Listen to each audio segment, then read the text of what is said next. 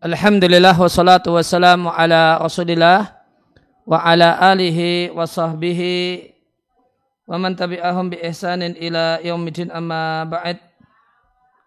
Kaum muslimin dan muslimah rahimani wa rahimakumullah. Kembali kita lanjutkan membaca dan mentelaah buku Nasihati Lin Nisa'i karya Ummu Abdullah Al-Wadi'iyah hafizahullahu taala.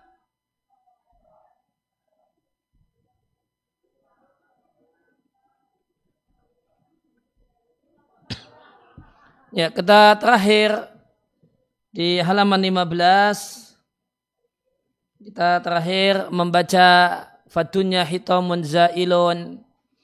Dunia itu adalah armuan yang akan hilang dan dia adalah naungan sejuk yang akan berlalu sehingga tertipu dan terkecoh dengannya adalah kebinasaan.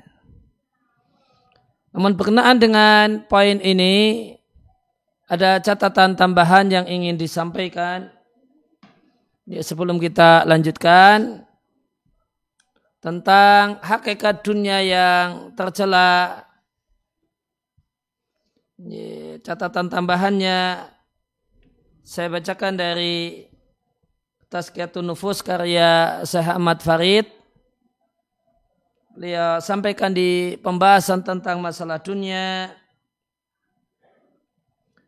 Bahasanya celaan yang terdapat dalam Al-Quran dan hadis untuk dunia tidaklah tertuju pada zaman yang hakikatnya adalah silih bergantinya malam dan siang selama kita hidup di dunia ini sampai hari kiamat. Karena Allah Subhanahu wa taala menjadikan siang dan malam itu pelajaran bagi orang yang mau mengambil pelajaran dan bersyukur.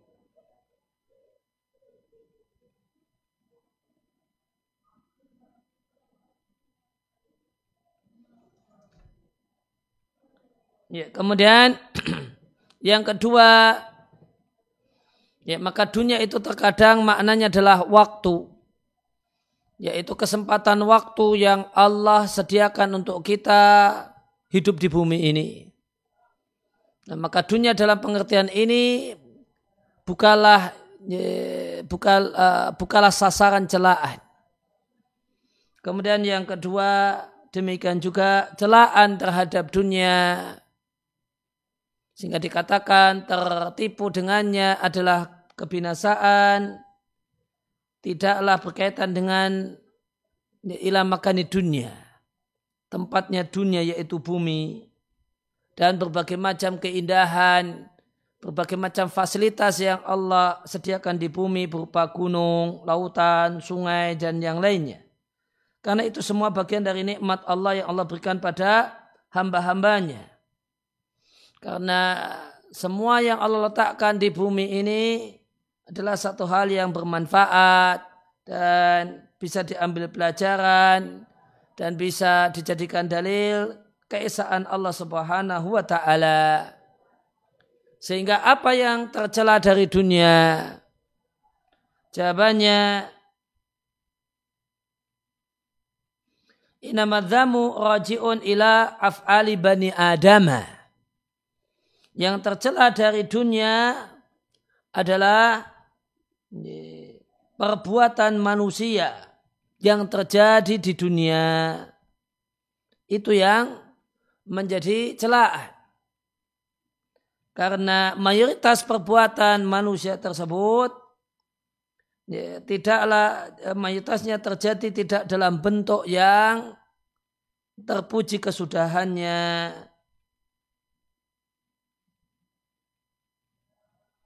Nah itulah yang Allah maksudkan dalam firman-Nya i'lamu annamal hayatud dunya la'ibun wa lahwun. Ketahuilah bahasanya kehidupan dunia itu adalah main-main dan yang melalaikan dari akhirat.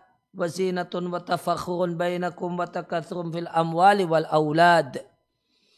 Ya, maka yang yang tercela dari dunia adalah sikap manusia terhadap dunia Ya, jadi bukan buminya tercela, terkutuk, bukan. Bukan pula kesempatan waktu yang Allah berikan untuk uh, tinggal di dunia ini yang tercela, bukan. Namun tindakan manusia dalam menyikapi kesenangan dunia, dengan menyikapi uh, dalam menyikapi kenikmatan dunia, yeah cara, cara untuk mendapatkan dunia dalam bentuk wanita, harta, pangkat dan kedudukan. Demikian juga cara memanfaatkan nikmat dunia tersebut. Itulah yang tercela karena umumnya diambil tidak dari jalan yang halal, kemudian tidak dibelanjakan dan dihabiskan dalam hal yang diridai oleh Allah Subhanahu wa taala. Oleh karena itu ketika ya, ketika kita baca kalimat dunia itu adalah remuan yang hilang, naungan sejuk yang akan berlalu dan tertipu dengannya binasa, ini bukanlah uh, kalimat yang bermakna uh, gembosi semangat orang untuk bekerja mencari yang halal. Ingat bekerja mencari hal yang halal mencari harta yang halal, mencari nikmat dunia yang halal. Itu dia, bukalah maksudnya demikian. Bahkan eh, bekerja mencari harta dunia ya, yang halal dengan penuh kesungguhan satu hal yang terpuji karena dinilai oleh Nabi Shallallahu Alaihi Wasallam sebagai bentuk di antara salah, salah satu bentuk visabilillah. Sebagaimana dalam hadis yang uh, derajatnya dan kualitasnya hasan. Ya, diriwayatkan oleh atau Barani atau Barani dalam Al-Mu'jam Al-Kabir. Ya, demikian juga dalam Al-Mu'jam Al-Awsat dari Ka'ab ibn Ujrah.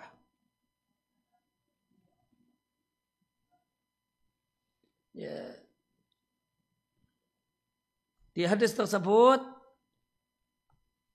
ya, diceritakan satu hari ada seorang yang lewat di hadapan Nabi Shallallahu Alaihi Wasallam dan para sahabat.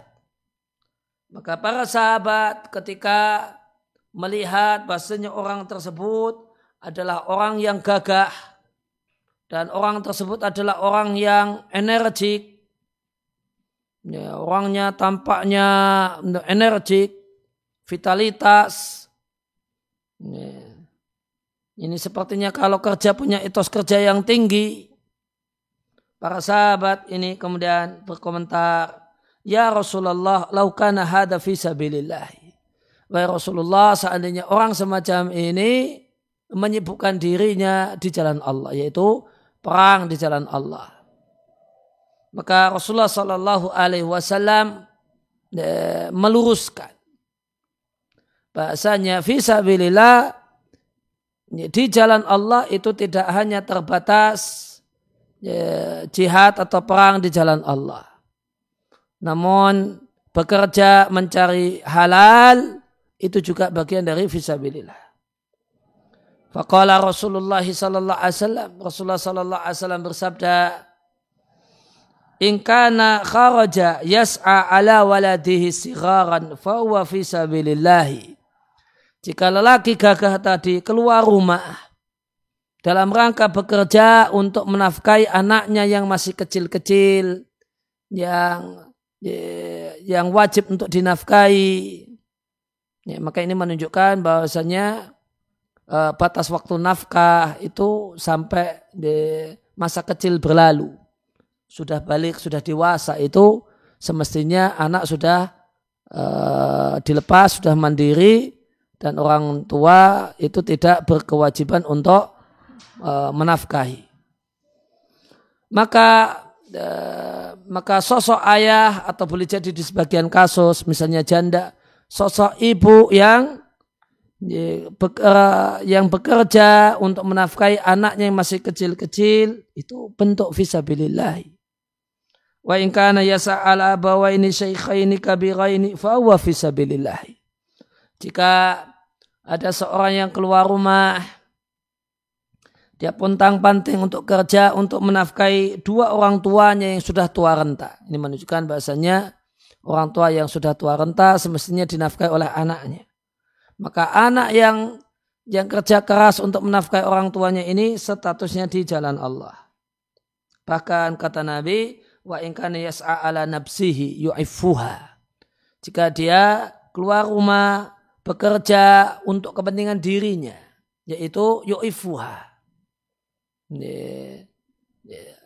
Tujuannya adalah supaya dirinya punya kehormatan, tidak ngemis, tidak minta-minta, tidak memelas kepada manusia.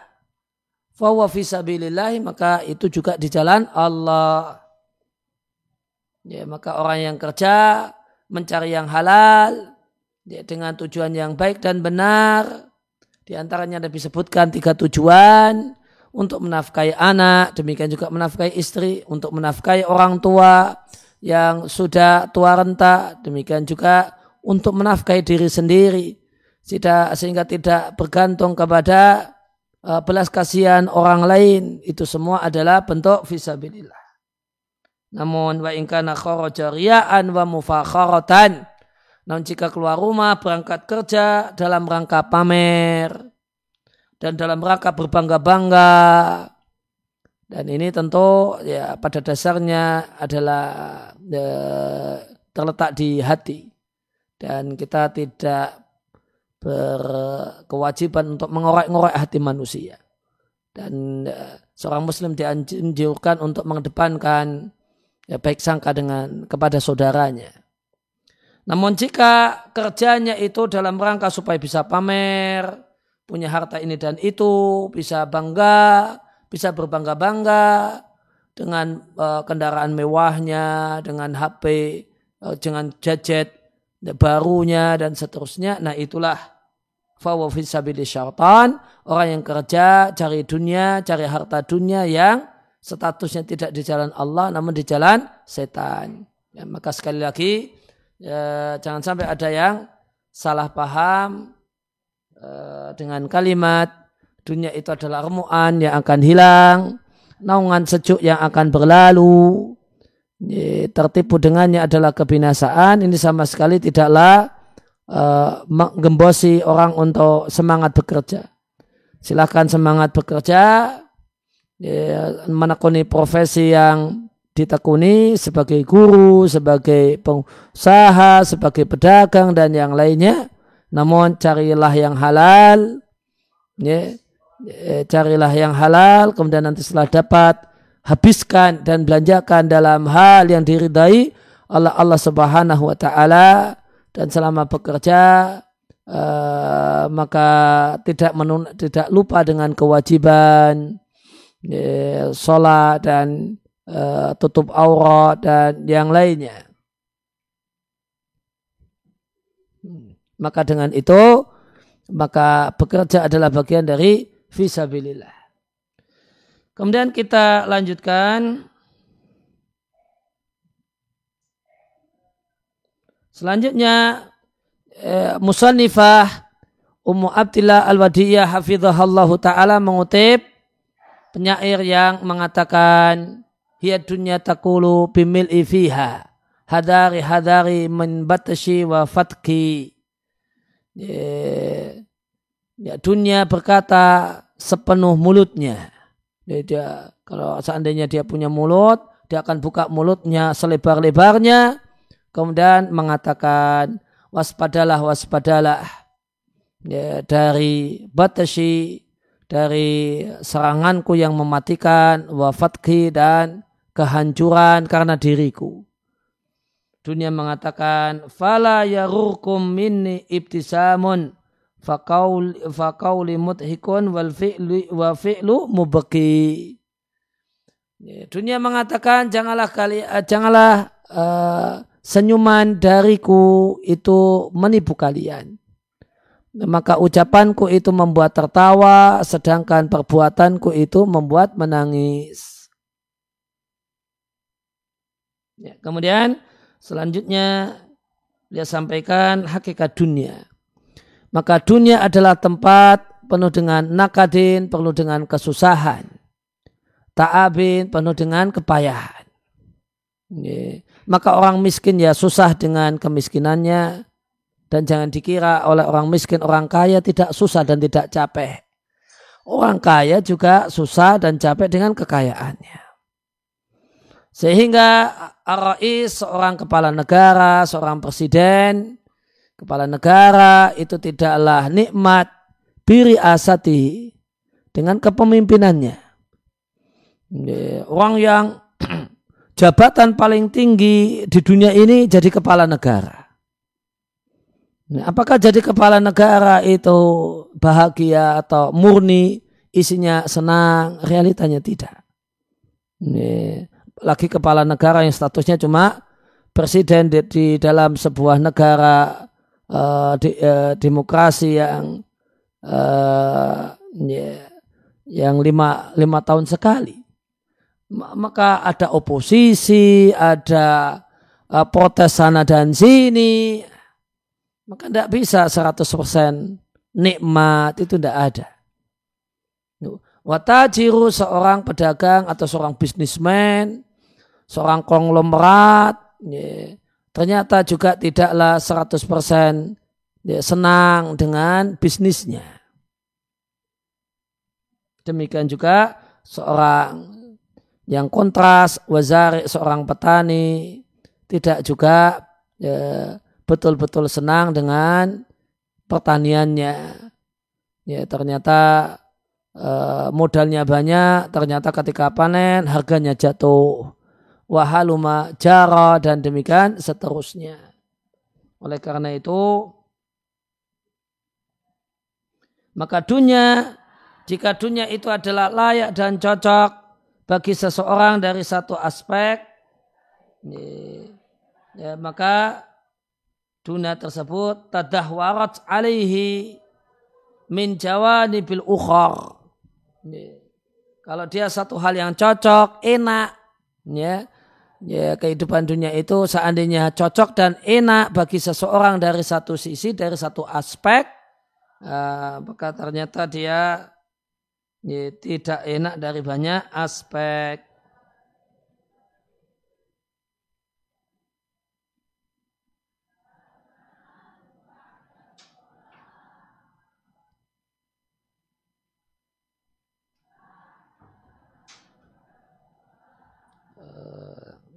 Cek uh, artinya dulu.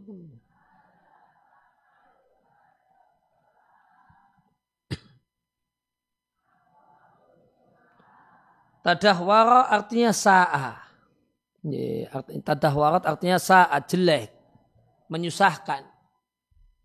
Maka dia cocok dan nyaman dari satu aspek, namun tadahwarat tidak nyaman menyusahkan untuk orang tersebut dari banyak aspek.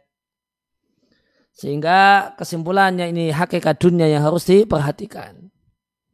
Bahasanya fasa ada kebahagiaan di dunia ini la tatimu tidaklah terwujud, tidaklah terwujud sempurna bagi siapa pun.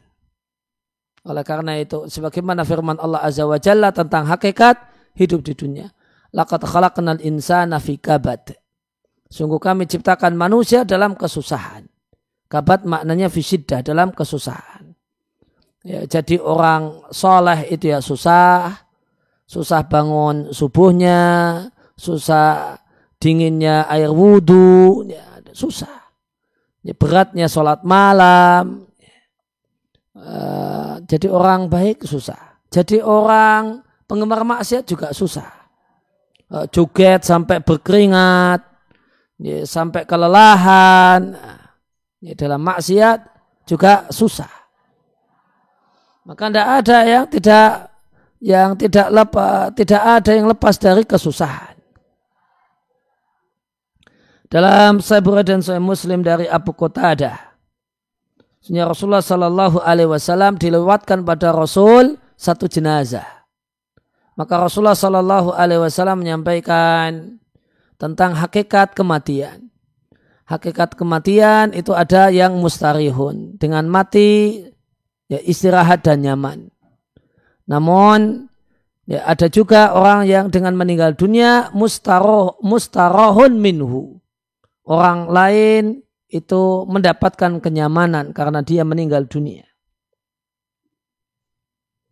Maka kemudian para sahabat bertanya, wahai Rasulullah, siapa itu orang yang kematiannya beristirahat dan siapa itu orang yang kematiannya itu menyebabkan beristirahat dan senangnya banyak orang. Maka Nabi Shallallahu Alaihi Wasallam menyampaikan eh, al abdu al mu'min jika yang meninggal dunia itu adalah seorang hamba Allah yang beriman maka dia beristirahat dari capeknya dunia dan gangguan yang dirasakan selama hidup di dunia ila rahmatillahi. Kemudian beristirahat karena berpindah menuju kasih sayang Allah Subhanahu wa taala. Dan sebaliknya wala abdul fajiru seorang hamba yang fajir yang gemar dengan kedurhakaan, keburukan dan kemaksiatan ketika dia meninggal dunia Hmm. Maka yastarihu minhu al-ibadu. Banyak orang nyaman dengan kepergiannya. Nyaman dengan kepergiannya.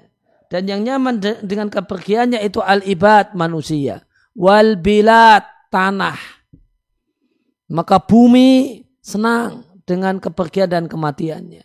Wasyajaru wa dawab pohon dan hewan. Semuanya merasa gembira. Sehingga kehidupan yang betul-betul nyaman didapatkan oleh seorang hamba manakala dia beriman dan meninggal dunia di atas iman. Itulah orang yang akan merasakan betul-betul uh, kenyamanan hidup. Artinya kalau selama hidup di dunia tidak ada Ya, hidup tanpa hidup dengan uh, stabil dengan satu keadaan nyaman. Meskipun orang bilang bertahan di zona nyaman, apakah betul-betul 100% nyaman? Jawabannya tidak. Ya, tidak lepas dari problem, tidak lepas dari permasalahan, tidak lepas dari gesekan dengan temannya, dengan tetangganya, dengan kerabatnya, dengan orang tuanya, dengan suaminya atau dengan istrinya. Oleh karena itu di antara doa Nabi Shallallahu Alaihi Wasallam adalah wa as'aluka bardal aishi ba'dal mauti. Ya Allah aku memohon kepadamu ya, kehidupan yang betul-betul segar, yang fresh setelah kematian. Hadis ini dikeluarkan oleh Ibnu Abi Asim dalam kitabnya Sunnah ya dari Fadullah bin Ubaid radhiallahu anhu dengan sanad yang sahih. Ibnul Qayyim rahimahullah ta'ala di kitabnya Irazatul Lahfan mengatakan, menjelaskan hadis ini dengan mengatakan, dikarenakan hidup di di kampung ini yaitu kampung dunia itu adalah kehidupan yang tidak fresh bagi siapa pun. Betul-betul dingin nyaman segar bagi siapa pun. Kainan pangkat siapa pun dia. Apa pun kekayaannya, apa pun jabatannya, tidak ada orang yang betul-betul uh, 100% nyaman, 100% fresh, 100% ya, senang dan bahagia di dunia. Itu tidak ada. Siapa pun dia kata Ibnul Qayyim. Ya, namun realitanya bal huwa al huanya kembali ke Aish kehidupan di kampung ini, kampung dunia ini itu dipenuhi dengan ghosos wan nakat. Ini nakat tadi asyiddah, kesusahan.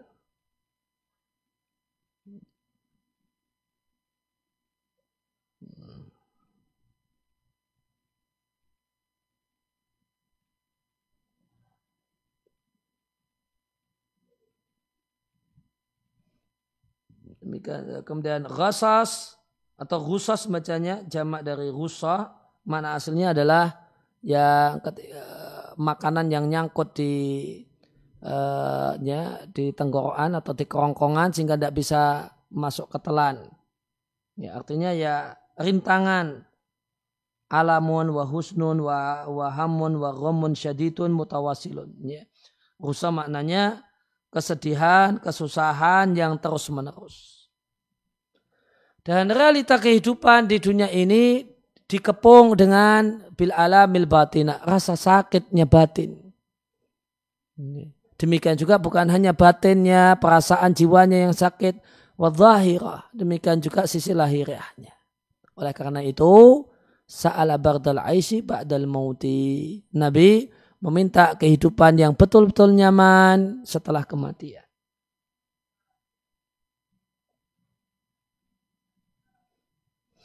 Wasyairu yakul seorang penyair mengatakan tentang hakikat ya, dunia dan realita dunia. Sama niatun labuda minha alal fata walabuda antajri alaihi samaniyah. Ada delapan hal yang tidak boleh tidak alal fata dialami oleh seseorang. Al-fata itu ya terjemah aslinya adalah remaja, namun yang diinginkan di sini adalah semua orang. Semua orang hidup di dunia pasti mengalami delapan hal ini. La buddha sebuah keniscayaan ya, eh, tajri alaihi samaniyah samaniyah fa'il dari tajri. Ya, terjadinya delapan hal ini alaihi atas al-fatah. Ya, maka ada delapan hal yang pasti akan dialami oleh semua orang yang hidup di dunia ini pingin hidup di dunia namun uh, tidak mau dapat delapan hal ini tidak bisa apa itu delapan hal tersebut? Yang pertama sururun, yang pertama dan yang kedua ini pasangan sururun wahamun, gembira dan galau. Nah, ya maka realita hidup di dunia ada gembira, ada senang, ada galau. Kemudian yang ke kedua dan ya, ketiga dan yang keempat istimaun wa furqatun. Ada perjumpaan dan ada perpisahan. Maka ada kebersamaan bersama orang tua, kemudian akhirnya ada perpisahan. Anaknya yang mati duluan ataukah orang tuanya yang meninggal duluan. Ya. Ada ya demikian juga ada yang pertemuan ya, jadi kawan, kemudian ada perpisahan karena dia pulang ke kampung halaman atau atau dia menikah sehingga tidak bisa lagi berkawan ke sana kemari seperti dulu ya. Ya. atau kemudian berkumpul dan berpisah dulu suami istri kemudian bercerai atau berpisah dalam artian salah satu meninggal dunia kemudian yang kelima dan yang keenam wa yusrun wa usrun ada kemudahan ada kesulitan terkadang urusannya lancar namun terkadang kesulitannya uh, urusannya sulit. Ya. Maka tidak bisa lancar terus sebagaimana tidak mungkin sulit terus menerus. Kemudian yang ketujuh dan kedelapan, thumma sukmun wa afiyah. Kemudian sakit dan sehat. Maka ada waktu sakit, boleh jadi pilek, flu, ya, migrain, pusing, ya, punggung pegal, ya, betis rasanya capek, namun dan ada waktu afia, waktu sehat. Nah ini delapan realita, delapan eh, empat hal, eh, empat pasang yang merupakan realita kehidupan di dunia. Oleh karena itu, maka e, menimbang realita di dunia ini bukan berarti seorang muslim masa bodoh dengan dunia. Bukan. Gimana sikap tepat seorang muslim terhadap dunia ada di paragraf selanjutnya. dunia itu teranggap mazru'atul akhirah. Sawah ladang akhirat. Ini sawahnya akhirat. Ya, siapa yang ingin panen di akhirat, ya, sawahnya yaitu dunia harus dikelola dengan baik. Ya, harus ditanami. Berarti harus beraktivitas. Ya, dan itu harus duit, harus punya duit untuk ya, harus punya duit dan bekerja supaya bisa punya pakaian untuk menutupi aurat, punya uang untuk bersedekah, tidak punya harta untuk pergi haji dan umrah dan seterusnya. harus ditanam, harus bercocok tanam. Dunia harus digunakan untuk bercocok tanam, nanti di akhirat bisa panen. Maka seorang yang beriman ketika dunia, ketika di dunia itu sibuk menanam. Maka ada orang yang ketika di dunia sibuk bercocok tanam, kebajikan. Dan ada manusia yang ketika hidup di dunia sibuk bercocok tanam dengan uh, bercocok tanam kejelekan. Sehingga nanti di akhirat al-hasad panennya beda-beda. Ya, panennya beda-beda. In khairan jika di dunia itu menanam kebaikan dan amal soleh, fa khairun nanti panennya juga kebaikan. Wa in syaran, namun jika di dunia itu yang ditanam adalah kejelekan, kemaksiatan, kemalasan, Fasyarun maka nanti panennya di akhirat adalah kejelekan dan penderitaan.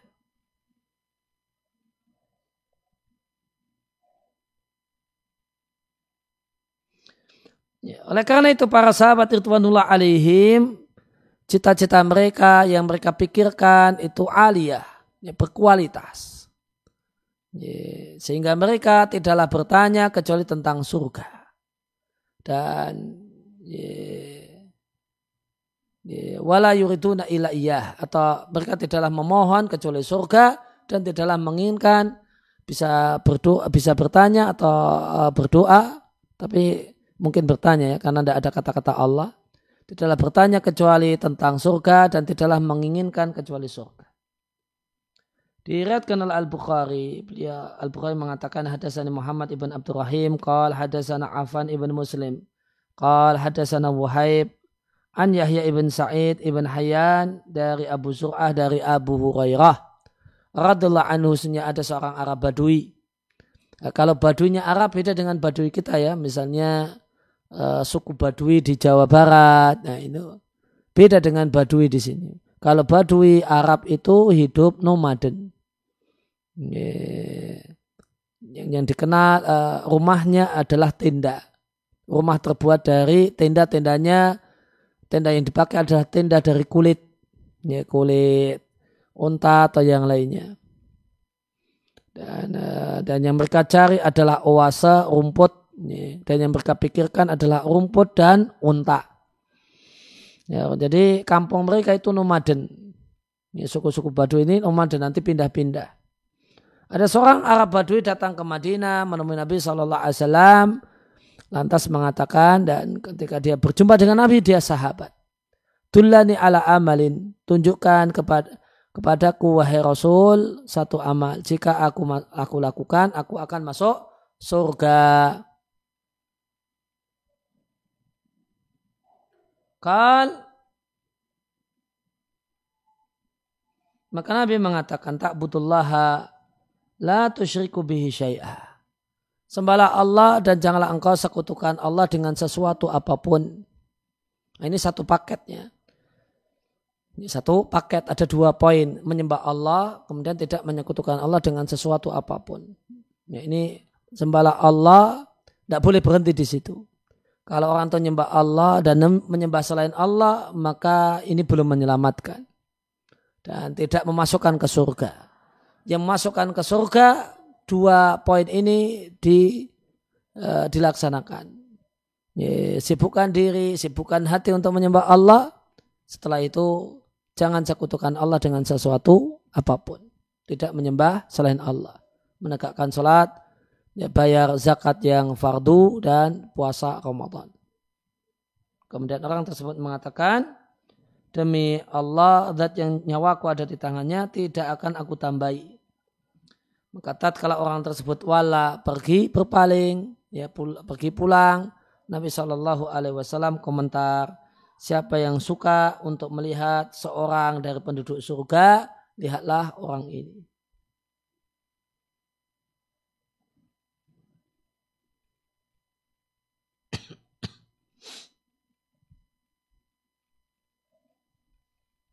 Ya, kemudian diatkan oleh Al-Bukhari.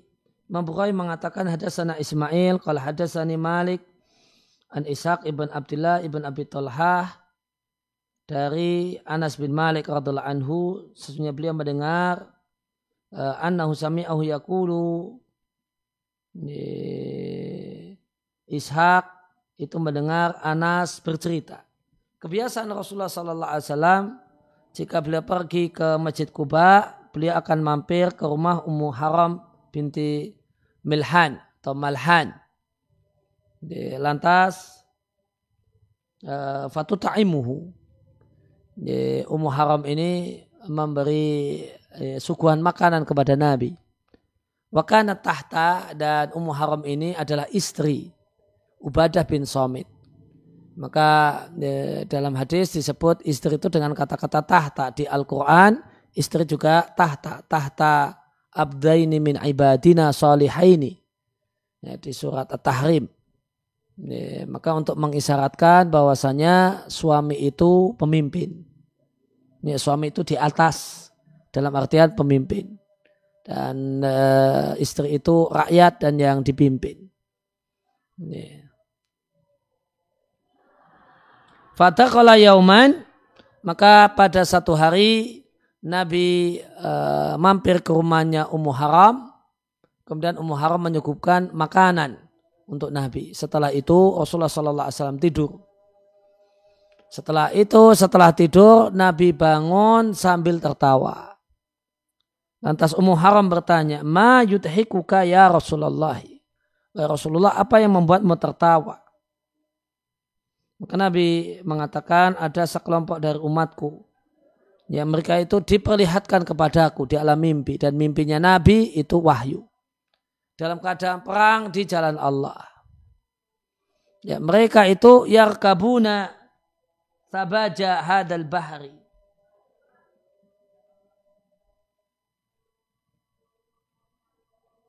ya, mereka itu uh, menaiki ya, kapal ya, di lautan itu. Mulukan alal asirah seperti raja-raja yang berada di dipan-dipannya. Maknanya au mislal muluki alal asirah. Ya, semisal raja-raja di dipan-dipannya. Ada kosakata uh, Thabaja.